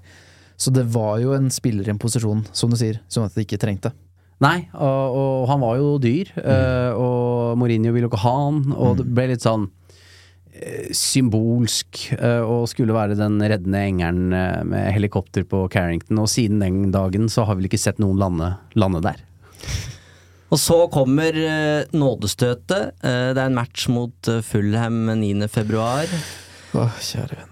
Og så er det blitt en sånn kamp som man ler av, fordi United slår 81 innlegg. Dan Byrne sier etter matchen at han aldri har heada så mange baller siden han spilte i Conference League. Men her, dette var en så tung dag. United leder 2-1. Eh, og så er det Darren Bent på overtid, Fredrik, som, eh, som gjør at United bare får ett poeng i en av disse mange hjemmekampene. De var jo det niende beste hjemmelaget i Premier League den sesongen der. Eh, Ja, den kampen der, det, det er kanskje den jeg husker best eh, under David Moyes. Og for å hoppe litt tilbake, når Moyes blir eh, ansatt og nedturen på en måte etter hvert viser at den har begynt, så omfavner jeg det litt. Fordi jeg er en bortskjemt United-supporter som aldri opp, Det dårligste jeg har opplevd, er en tredjeplass under Ferguson. Så jeg tenker liksom at ok, eh, dette, dette har jeg bare godt av, dette fortjener jeg. Nå, nå skal jeg få se om jeg er en ekte United-supporter, eller om det bare er eh, alle trofeene som har gjort at jeg på en måte heier på dette laget her. Så jeg tenker litt sånn ja, skyt på meg. Kom, med- kom med det dere har. Men etter den matchen der så kjenner jeg bare at Ikke at jeg ikke er United-sport lenger, men da kjenner jeg at dette går ikke lenger. Dette prosjektet David Moyes, dette har jeg ikke mye tro på. Og det sier også litt om mekanismen i fotball, hvor fort ting snur. Fordi i den kampen så mener jeg også å huske at Det er elektrisk stemning der jeg ser kampen eh, hjemme i stua. Det er attack, attack, attack. Det er innlegg på innlegg, og jeg elska ikke filosofien, men det var et trøkk der hvor United går fra å ligge under 1-0 til å snu kampen med to raske skåringer. Og så gikk det på en måte likevel. De, de, de snudde, og da ville det vært en helt fantastisk opplevelse som kunne blåst nytt liv i prosjekt David Moyes. Så får de altså en i fleisen. 90 pluss 4 står det når Darren Bent eh, setter inn den. Og da er det på en måte Nei, dette går ikke likevel. Og det sier litt om hvor brutal fotballen er. Det som kunne vært en ordentlig vitamininnsprøytning og tent et nytt håp. Og gitt et nytt håp, gitt fornya tro på prosjektet til Moyes, så var det heller det som på en måte mer eller mindre begravde det. Og du så det på spillerne, at selv om det føltes ut som ganske, et ganske håpløst halvår man hadde vært igjennom, så var det en, det var en gnist der, altså. Eh, Når eh, Carrick setter inn 2-1 der ti minutter før slutt, så setter bare Wayne Rooney- seg ned på, på knærne mens de andre løper for å feire sammen, og bare jubler som om det er en avgjørende scoring i en Champions League-finale, altså. Og den type sånn umiddelbare reaksjoner for, Det er ikke noe som du bare, som du bare spiller. Eh, det var helt tydelig at det var genuint der, om at de hadde nok et håp om at det her, det her kan vi snu. Men eh, det går ikke. Eh, etter den matchen her, så så kommer det flere nederlag. De taper altså 0-3 hjemme mot både Liverpool og City i mars. Og den Liverpool-matchen er den verste jeg har vært med på Paul Trafford. Ja eh, Da er vi Vi snakker om luft ut av ballong, og folk ikke ser eh, hvordan dette her skal gå, men etter Liverpool-kampen, da er vi på the point of no return. Eh, da eh, snakkes det jo mye om at eh, David Moyes er ferdig, han skal få sparken. Eh, jeg går ut til Al Trafford, får en SMS av en som kan mye greier, og han bare skriver 'Dead Man Walking'. Eh, og da begynner man jo å gå litt inn i kontrakter og klausuler eh, for å se på eh, hvor mye ville koste å sparke David Moyes. Og de skjønner jo etter hvert at de vil spare en del penger på å vente med å sparke han til det ikke er matematisk mulig for Manchester United å nå Champions League. Så de må vente. Men den apatien på Old Trafford eh, mot Liverpool uh, er noe av det snodigste jeg har vært borti på en fotballstadion. Fordi det ble etter hvert skuldertrekk idet de måla rant inn uh, på Old Trafford. Det, det Jeg- ble liksom det, det, det, det spilte etter hvert ikke noen rolle at det var Liverpool. Så, al- al- Det var bare så håpløst. Og jeg ble skjelt ut på Twitter, husker jeg. For jeg var jo litt ute og meldte da, for da syntes jeg det var gøy å være litt først med ting og sånn. Meldte at han her, han er dead man walking. Og jeg fikk så mye tyn. Fordi jeg, bare visste jo ingenting. Han derre feiten fra Norge og noe som helst. Hadde ikke peiling på noe som helst. Men uh, jeg var veldig trygg på at uh, David Moyes var ferdig som Manchester United-manager, for det, det var han. Du trodde nesten ikke det du satt og så. Du måtte klype deg litt i armen på Har det blitt så ille?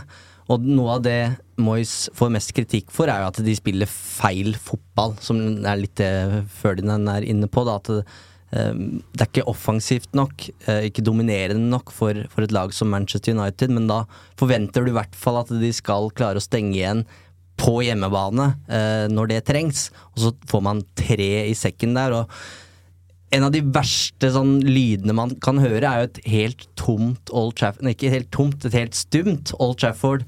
Eh, mens du ser bort på bortesvingen og ser bare scousere som Det, det er bare sånn scouserbølge.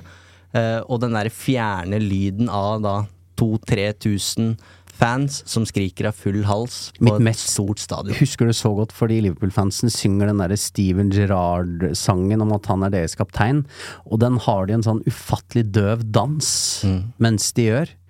Og, og, og, og den derre Det ekkoet, egentlig, eh, fra Old Trafford som er stille, mens de, de Liverpool-fansen står og synger den sangen og danser, det er eh, ting jeg aldri kommer til å glemme. Det gikk jo så langt det her at man, man sitter Eller jeg satt og så den kampen på TV-en, og Gerrard har vel mulighet til å skåre hat trick fra straffemerket. Det er, det er så tragikomisk. Og så har det kommet til et sånt nivå hvor raseriet og sinnet det, det fantes ikke i meg lenger. Det Nei, var bare en sånn derre den. Henslengt på sofaen. Nesten bare sett den. Du, du ser på kompisen, du, du liksom rister på hodet og ler nærmest. At det er sånn Å de redda, ja, ok. Ikke noe En helt sånn absurd situasjon å være i, som vi med årene har blitt mer og mer vant til og kanskje kjenner igjen. Men å gå fra det mesterskapslaget der til det på så kort tid var helt absurd. Gerard får altså tre straffer, setter eh, to av dem eh, og feirer jo inn i, i kamera der. Um, Vidic blir utvist, og Suárez eh, setter kronen på verket der. Så det Nok om det. Eh, United reiser seg faktisk da med 4-1 mot eh, Villa. Mata skårer sitt første der, og 4-0 mot Newcastle. To mål fra Mata oppe i nord. Og så har Rooney et mål fra midtbanen mot Westham med David Beckham på tribunen der. Det er en grei heter andeknot... Ande... Ja, dere vet hva jeg skal si nå. Anekdote. Anekdote heter det. Eh, Jeg trodde du tulla. Nei, jeg har mine øyeblikk. Hva kalte du det for noe? Nei, ikke Nå skal jeg fortelle en god en. Der, eh, for da var jeg også skrivende i VG, eh, er i West Bromwich den dagen her. Fordi eh, Ole Gunnar Solskjær er linka til West Bromwich. Og Men Steve Bruce er da manager Er jo ikke i West Brom, han er vel da i Hull, eller et eller annet sånt. Og så er det pressekonferanse etter kampen. Og så ser du bare at Steve Bruce bare blir helt fra seg i blikket. Bare sånn hva er Og så bare sier han til alle i pressekorpset Snu dere! For han har da på en skjerm bak der Wayne Rooney scorer fra midten. Så pressekonferansen Alle, bare stopper, snur seg. Og bare må liksom bare bivåne og se den reprisen av, av, scoringa til Rooney. Så sånn, sånn husker jeg den. Det var sterk. Husker jeg var forbanna opp på VG-desken, for jeg sa jeg hadde kilder gode. Han skal ikke til West Brom. Så det er bare tull at jeg må ta helgetur til West Bromwich. Det er ikke noe sted jeg trenger å trakte. Men eh, det, det jeg dro, dro nå, da. Du får rett, Jon Martin. eh, for når eh, David Moyes reiser til sitt gamle Goodison Park, så står rett og slett mannen med Jon der. Well, it's an unhappy return for David Moyes. Roberto Martinez's Everton keep up their pursuit of fourth place. Final score, Everton 2, Manchester United 0. United er eh, utenfor topp fire. Eh, Champions League-spill neste sesong er utenfor rekkevidde. Eh, og seksårskontrakta til The Chosen One termineres etter ti måneder. Mm, gjør det. Eh, og da begynner en prosess som er ganske stygg og uverdig og dårlig av Manchester United, eh, med Ed Woodward i spissen. Eh, Manchester United har bestemt seg. Eh, alle veit det. Alle veit at David Moyes er ferdig som Manchester United-manager. Alle veit det, bortsett fra David Moyes selv. Han må jo på en måte stå last og brast ved dette prosjektet til noen sier at du er ferdig. Eh, alle i pressen vet det, supporterne vet det, eh, men David Moyes har ikke fått beskjed. Og det er dårlige greier. Han forteller jo sjøl at han eh, våkner andre påskedag. ehm, og ser at han har ekstremt mange ubesvarte anrop, og får etter hvert vite av en journalist at, at han har fått sparken. Og tror ikke på det her sjøl. Manchester United vil aldri sparke en manager på den måten der. Ringer, eller prøver i hvert fall å få tak i Ed Woodward, som ikke tar telefonen. eh, får etter hvert kontakt. eh, foreslår at de skal møtes, eh, og sier at vi kan møtes på halvveien. eh, på en eller annen pub, eh, eller hva, eh, for, å, for å snakke om det her. Eh, Woodward sier han er opptatt, og det ender med at David Moyes må legge seg den kvelden eh, og vite at i morgen får jeg fyggen. Og det er så dårlig, altså. Det er så dårlig og oppsummerer egentlig for meg hele Ed Woodward-perioden, da. Uh, og for det vi snakka om i starten her, at uh, uansett hvordan du snur og vender på det, så er David Moyes en bra mann. Uh, og møt i hvert fall folk med respekt, da. Han fikk sitt livs mulighet. Eh, det funka ikke, det var for svære greier for han, og det er fair enough. Mm. Men avslutt nå dette her med en eller annen form for decency, da. Mm. Dette er eh, skikkelig, skikkelig dårlige greier.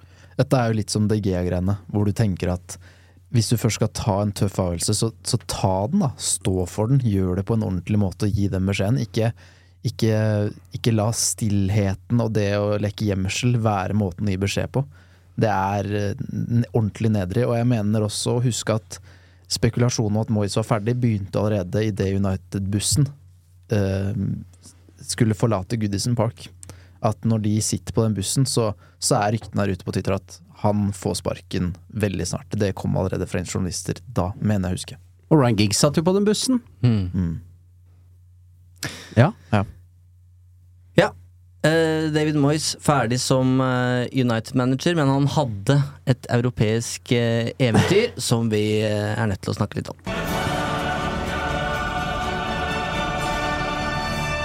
Fikk du, endelig spilt den igjen nå, Eivind? Fint, det. Tror også Moyes er glad i den, for han gikk altså ubeseira gjennom gruppespillet mot Bayer Leverkosten, Shakhtar og Real Sociedad. Ehm, har noen gode matcher på veien her. altså 4-2-seier mot Bayer Leverkosten på hjemmebane der. Det er en sånn peak Valencia-scoring som på en måte inn, inn, inneholder alt det som Valencia var ekstremt god på. Uh, hurtighet og så et sånn kanonskudd i hjørnet der. Uh, returoppgjøret mot Bayer Leverkosten er vel kanskje årets match. Ja, da koste jeg meg glugg, jeg. Uh, var, var på plass i, eh, i Leverkosen, eh, og det var en drømmedag. Altså de beste dagene å eh, fly et eller annet sted, ta toget til Køln, husker jeg. Eh, og før man stakk til Leverkosen, for der er det ikke så mye å ta seg til. Kjempestemning blant United-fansen. Drakk mengder med, med godt drikke. Og, og United leverte jo en kjempematch. Det var jo bare velstand. Største borteseier i Champions League, 5-0. Um, og de tar seg jo eh, lett, får en si, da, eh, videre til uh, utslagsrundene. Da skal de til Aten og bare ta seg forbi Olympiakos. Ja, det er lettere sagt enn gjort. Ja, det er for meg et bunnpunkt i mitt liv som Manchester United-supporter. Det må jeg ærlig innrømme. Uh, var i Aten. Eh, og begynte jo for så vidt bra sånn turmessig. Altså flott Fin by. Ja. Uh, var fin by, masse trafikk, eh, ikke så verst vær. Satt nede ved havna der, koste oss. Men så blir man møtt i den heksegryta, da, som uh, må sies. Uh, Olympiakos-fansen lagde kjempestemning, men Manchester United er altså så ute av det. De er så dårlige. Altså, det er en så slett prestasjon. Man derre i gamle, elendige Arsenal-spissen som eh, herjer med United-forsvaret. Og eh, det var tegnet på mytteriet, på en måte. For Mm. meg er den kampen et symbol på at vi spiller ikke for den manageren her. Eh, det går jo noen rykter om at når du skal fly hjem etterpå, så så går noen spillere forbi, og Moyes sitter fremst eh, i fly med en eller annen bok om ledelse. Eh, og nei, da, da var det Da var det altså så mørkt, altså. Det her beskrives i hvert fall um, som vendepunktet internt. Um, I dokument Moyes så, så står det det at uh, det skjedde noe etter den kampen i, i Hellas. Um, men så reiser de seg jo på Old Trafford. og Jeg husker det var enorme forventninger til det som skulle skje der. Eh, for selv om på en måte håpet i stor grad var slukka, så er det noe med Champions League-kveld på Old Trafford med Wayne Rooney og Robin van Persie på topp mot Olympiakos. Det bør, det bør kunne gå. Um, og så er vel Ferguson nede i garderoben og har en peptalk der, faktisk, før uh, matchen. Um, og det ender jo til slutt uh, ganske godt det her. med et hat trick av Robin van Persie. Ja, og det blir for meg tilbake til at eh, i forbindelse med håpet jeg hadde til at du kunne snu der rundt, så var det troa på at spillergruppa hadde kvaliteten, og ikke at manageren Mm. var mm. kapabel til å måte snu det på sin måte. Og det var en type stemning som du gjerne får på de europakveldene, men, men bare en følelse av at dette Old Trafford-publikummet her kommer på en eller annen måte til å mane oss til at det bare De tre skåringene vi trenger, de, de kommer til å komme fordi det ble satt en sånn type elektrisk stemning som, som sluker motstanderen. Det er rart det- å sitte hjemme og oppleve den, eller få den følelsen av at dette skal ordne seg, for det var ingenting som tilsa det egentlig. Og nå var det vel også litt den følelsen at nå er man så fucked eh, at det blir et slags friminutt, da. Fordi du er, eh, du er utenfor Premier League. Det er, dette er en enkeltmatch. eh, Det er en spillergruppe som mobiliserer aleine, som du er inne på. Dette er jo ikke en managers verk. Um, så uh, jeg, jeg husker at det var en slags befrielse og en opplevelse, men at hverdagen kom så fort etterpå. Eh, for jeg tror alle egentlig skjønte at ja, men det kommer jo ikke til å, kommer jo ikke til å bli noe greier, dette her.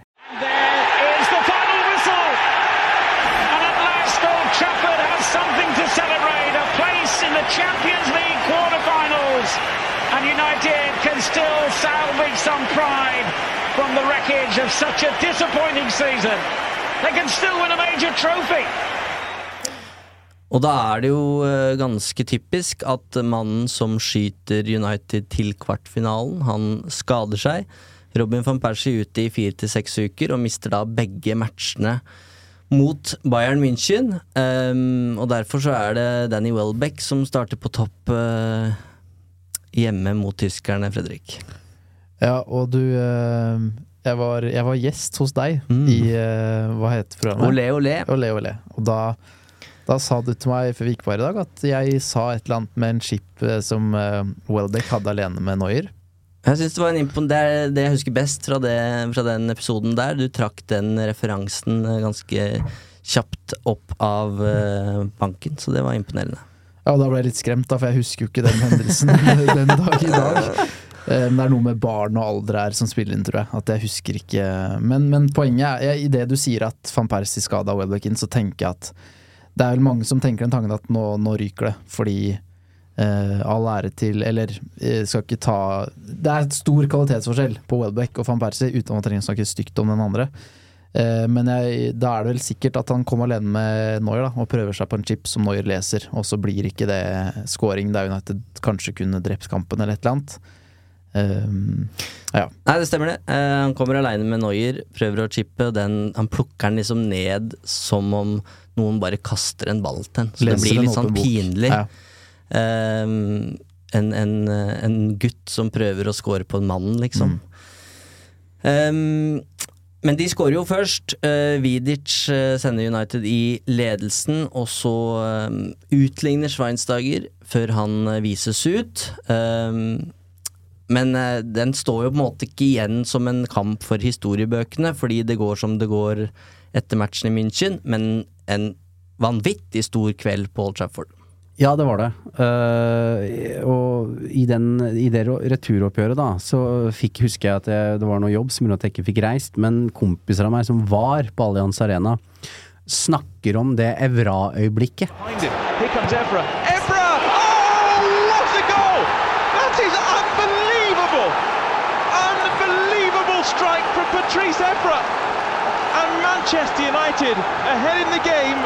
Oh. Og fotball er jo øyeblikk, ikke sant? Uh, og de derre uh, sinnssyke uh, øyeblikkene av lykke. Og vi var innom Adam i Paradis. Det var, det, dette varte heller ikke lenge. Men jeg har kamerater som var der, som sier at akkurat de sekundene etter at Evra bare banker inn den der, er noe av det mest sånn gå av hengslene-øyeblikk de har hatt ever som United-fans. Og det varte ikke lenge, men akkurat det derre eh, Det lille luftlomma, da, det der varte, var helt, helt ellevilt. Jeg kan fortelle deg hvor kort det varte, fordi dette husker jeg sånn helt eksepsjonelt godt. Det er, for det er, det er jo sjokk, Du er jo sjokkskadd også, fordi det er Evra som får det drømmetreffet der, hvor ballen bare spretter perfekt. Og prosjektilet oppi krysset her. Det er bare en så vanvittig scoring fra en spiller du ikke forventer det fra, på en scene som Allianz Arena er. Og jeg er på besøk hos en kompis og ser denne i Oslo. Og jeg kjenner ikke huset hans godt nok, men jeg, jeg ender opp med å løpe rundt i eh, huset som han leier. Og jeg står inne på badet, og jeg, jeg, jeg husker ikke hva jeg gjør. Jeg husker bare at når min Du rakk å komme deg på badet?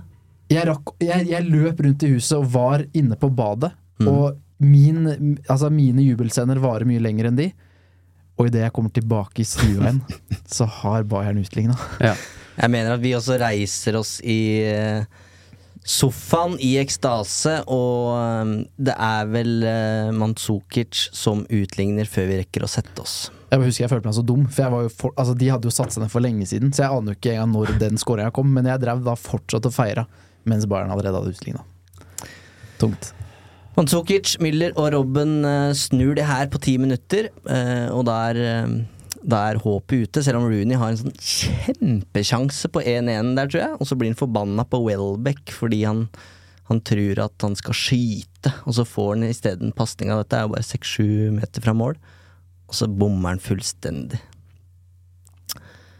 Og det var det, på en måte. Altså, da var det jo um, Da var det jo virkelig ingenting igjen. Nei. Altså, da fantes det ingen uh, steder å gjemme seg, noen steder å plassere et eller annet håp, da. Eh, og da er det jo bare, bare mørkt. And for the rest of this season, are you still going to consider yourself as a, a player as well as the manager? I've just given myself a five year contract. Inn kommer eh, Ryan Giggs, skal lede la laget i de fire siste matchene, sammen med Scholes, Neville og Butt. Litt overkill, eller? Med Nei, et så stort nei. Det er det feteste øyeblikket i verdenshistorien. Når Giggs i dress går ut av den tunnelen mot Norwich med gutta boys bak. Det vet du hva? Eh, det var irrelevant hvordan det gikk. Det var irrelevant eh, alt som hadde skjedd. Akkurat det greiene der er noe av det feteste jeg har sett. Av alt jeg har sett, er Nei, for et bilde av gutta på Carrington der når de er lina. Nei, nei, nei. Det, det her, det var køll. Det var gøy, det. Ja, Du snakka om friminutt i stad, og det blir jo litt det her at nå skal resten av sesongen er bare en fest. Det er det samme hvordan det går. Disse kampene betyr nada, men det er Class of 92 som leder laget. Vi får oppleve det, faktisk. For Nei, nei, nei. Så det Og det gikk jo ikke sånn superbra til Det, slutt, dette her, eller? det starter jo med en fest 4-0 mot Norwich. Eh, og det var fint vær, husker jeg, og enormt god stemning selvfølgelig på Old Trafford. Men så taper de jo eh, mot Sunderland, uh, før det er 3-1 igjen mot, uh, mot Hull. Ja, der var jeg, husker jeg. Og da er jo eh, en av disse U21-gutta mine som eh, Var James Wilson? James Wilson og Ja. Tom Lawrence får sjansen. Og Wilson skårer jo to mål, og her får jeg mitt eh, lille Her får jeg sole meg litt i glansen, fordi James Wilson har jo da spilt U21-fotball og bøtte jo inn mål der. Og han fikk jeg da en prat med. Eh, Dette er jo faktisk før debuten, da. Eh, men jeg sitter jo da på et intervju med James Wilson som ble gjort mens han eh, laster inn baller og bager inn i eh, bilen til materialforvalteren. Så han er også i, i Manchester United. Um, som jeg da kunne publisere etter at han hadde skåra to mål mot Hull og blitt lansert som Manchester Uniteds neste stjerneskudd. Timing er alt. Ja, ja, ja. Men det var en spesiell kveld på Old Trafford, det der òg, fordi uh, det er Nemanja Vidic, uh, i hvert fall, sin siste match uh, på Old Trafford. Eh, Ryan Giggs setter inn seg selv, eh, for også en som viser seg å være aller siste dans.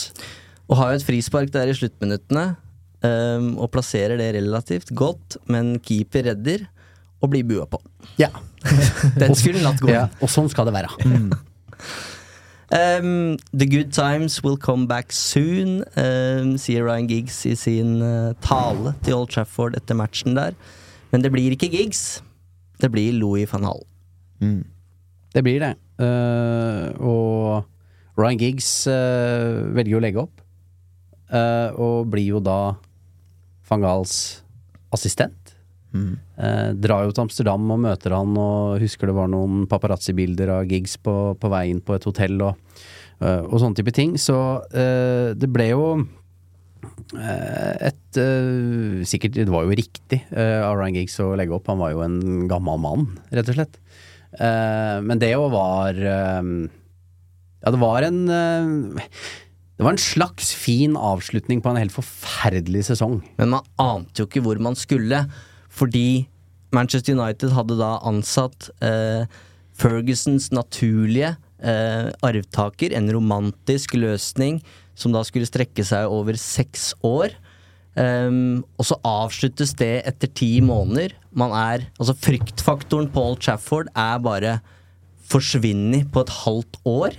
Uh, og Giggs legger opp. Uh, Vidic, Ferdinand, Evra og Fletcher forsvinner. Også etter hvert uh, Danny Welbeck. Så Ferguson-arven er jo bare fordufta her på ekstremt kort tid. Så hvor skal man nå?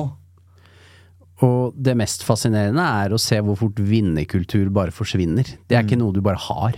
Uh, og den var liksom bare Alt var vekk. Hele byggverket bare vekk. Pennestrøk. Så lett, så vanskelig. For det var på en måte ikke noe van Gahl kunne eh, pumpe liv i igjen. Det var lagt dødt. Så, så, så du sier, det, det måtte starte på nytt. Men jeg kjenner, Eivind, at jeg er glad vi ikke skal rett på en sånn van Gaal-spesial nå, fordi eh, Rett inn på Tyler Blackett og- og Paddy McNair og gud fy- fy- Jeg tror, altså, kan, jeg tror vi kan love at den neste spesialen blir ikke 2014-15. Nei, for det var Altså, jeg blir, jeg blir trøtt og sliten av å tenke på det, hvor kjedelig det der var. Under Moyes, det er en ærlig sak, så var jo Manchester United bare dårlig. Mens under van Gaal Det var så kjedelig. Det var så kjedelig. Men tilbake til eh, innledninga. Eh, finnes det et eh, parallelt univers der det kunne gått? Nei. Jeg syns jo du har tatt Moyes litt i forsvaret her, men var, spille, var det for mye gift i spillergruppa til at det mm, kunne gått? Alt henger sammen. Eh, og David Moyes gjorde mange feil som eh, United-manager, men han fikk dårlige kort på hånda da, for å få dette her til å funke. Uh, og eh, for at det skulle ha funka, så måtte han ha truffet på overgangsmarkedet, fått inn bedre fotballspillere uh, og fått en selvtillit som gjorde at han vokste inn i jobben underveis, da. Eh, Men i stedet så kommer du skjevt ut, eh, få garderoben mot deg, og da går det som det måtte gå. Uh, Så eh, et, Egentlig bare et trist sorti, hele greia, og en um, en lærepenge, tenker jeg også, til alle fotballklubber som skal prøve å erstatte noe som det ikke er mulig å erstatte. Da må du, da må du tenke litt annerledes, og ikke tro at dette går av seg selv. Eh, og romantikk kan være flott, det, men det er nok bedre i, i livet uh, på enkelte områder enn det er når det gjelder fotball, eh, og det er snakk om verdens største fotballklubb, da. Og jeg tror nok United trengte en sånn reality check, uh, som vi har vært innom her, at det, det var en umulig oppgave å være the chosen one. Men Manchester United uten sir Alex Ferguson, som ikke bare var manager, men som også var reiseleder og psykolog og det ene og det andre. Pappa. Pappa, ikke minst. Um, Han var hele klubben. han var hele klubben, så hvor starter, starter man da? Så jeg tror ikke det finnes ett svar på hvorfor David Moyes ikke lyktes som United-manager, men jeg tror det var Det var jo litt naivt å tro at han skal plukke opp stafettpinnen her og på en måte forlenge Ferguson-æraen ut i det uendelige, som en skotsk manager som kommer fra mm, mindre forhold i, i Everton. Og det er derfor jeg ikke gir meg heller på denne Mourinho-sporet mitt. Og det er fordi at han hadde Han var den eneste i fotballverden som var gæren nok til å bare Mm. gå inn og gå inn i den klubben og gjøre ting på akkurat sin måte, med verdens største selvfølgelighet. Og kunne videreført enkelte deler av det. Beholdt vinnerkulturen. Uh, Sørga for at de eh, gamle gutta var happy, eh, og fått til en skikkelig siste dans med de. Eh, så eh, to år med Mourinho tror jeg hadde gjort at eh, det hadde sett litt annerledes ut i dag. Da tror jeg Manchester United hadde hatt flere ligagull. Mm. Eh, han hadde vært mer besluttsom på overgangsmarkedet. Sikkert henta enda flere gutter i alderen 30 til 33.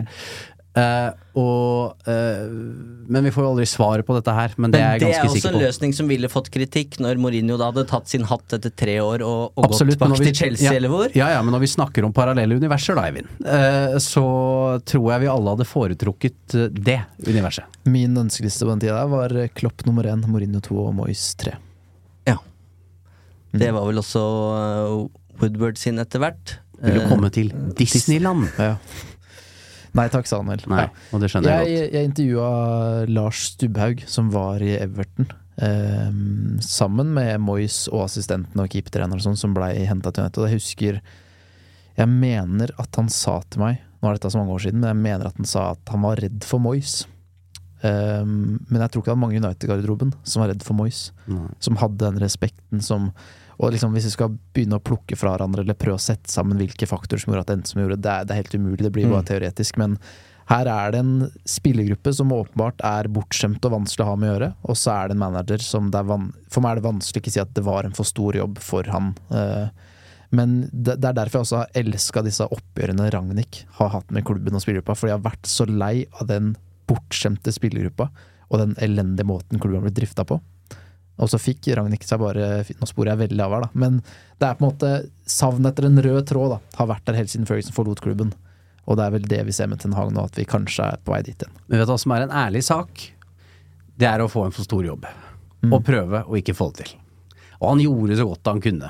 Og derfor har jeg vondt av han. Mm. Uh, men uh, jeg, eh, som vi sa til å begynne med, uh, ettermælet hans ser noe bedre ut nå enn det var rett etter at han fikk sparken. For det har vist seg at dette her skulle andre slite med også. Vi lar det være siste ord. Du får en stor, varm bamseklem fra Uno, David Moyes.